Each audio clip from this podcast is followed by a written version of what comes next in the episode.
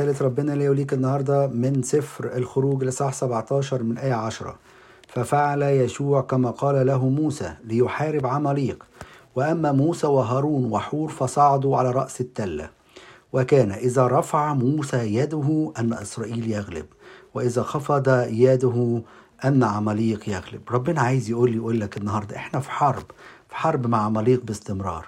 عشان تغلب عماليق وتغلب إبليس وجنوده والحرب اللي بيشنها عليك كل يوم لازم تكون إيديك مرفوعة. ويقول لنا هنا هو بردك إن طبعا هنا هو موسى لما بيرفع إيديه هو إشارة للصليب. مش هتعرف تغلب إلا بدم المسيح. ونلاقي إن هارون وحور كانوا بيرفعوا إيدين موسى. وهنا إشارة للمسيح المصلوب بين الصين والحاجة العجيبة جدا الكتاب بيأكد عليها إنه لو رفع موسى إيده إسرائيل بيغلب وإذا خفض يده أن عماليق يغلب. طول ما إيديك مرفوعة في الصلاة مرفوع على شك شكل صليب فأنت غالب بدم المسيح غالب بهذا الصليب.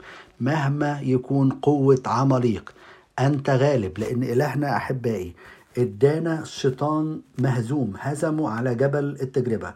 وإدانا عالم مغلوب. قال في العالم سيكون لكم ضيق ولكن ثقوا أنا قد غلبت العالم. عشان كده أحبائي أوعى تنزل إيديك.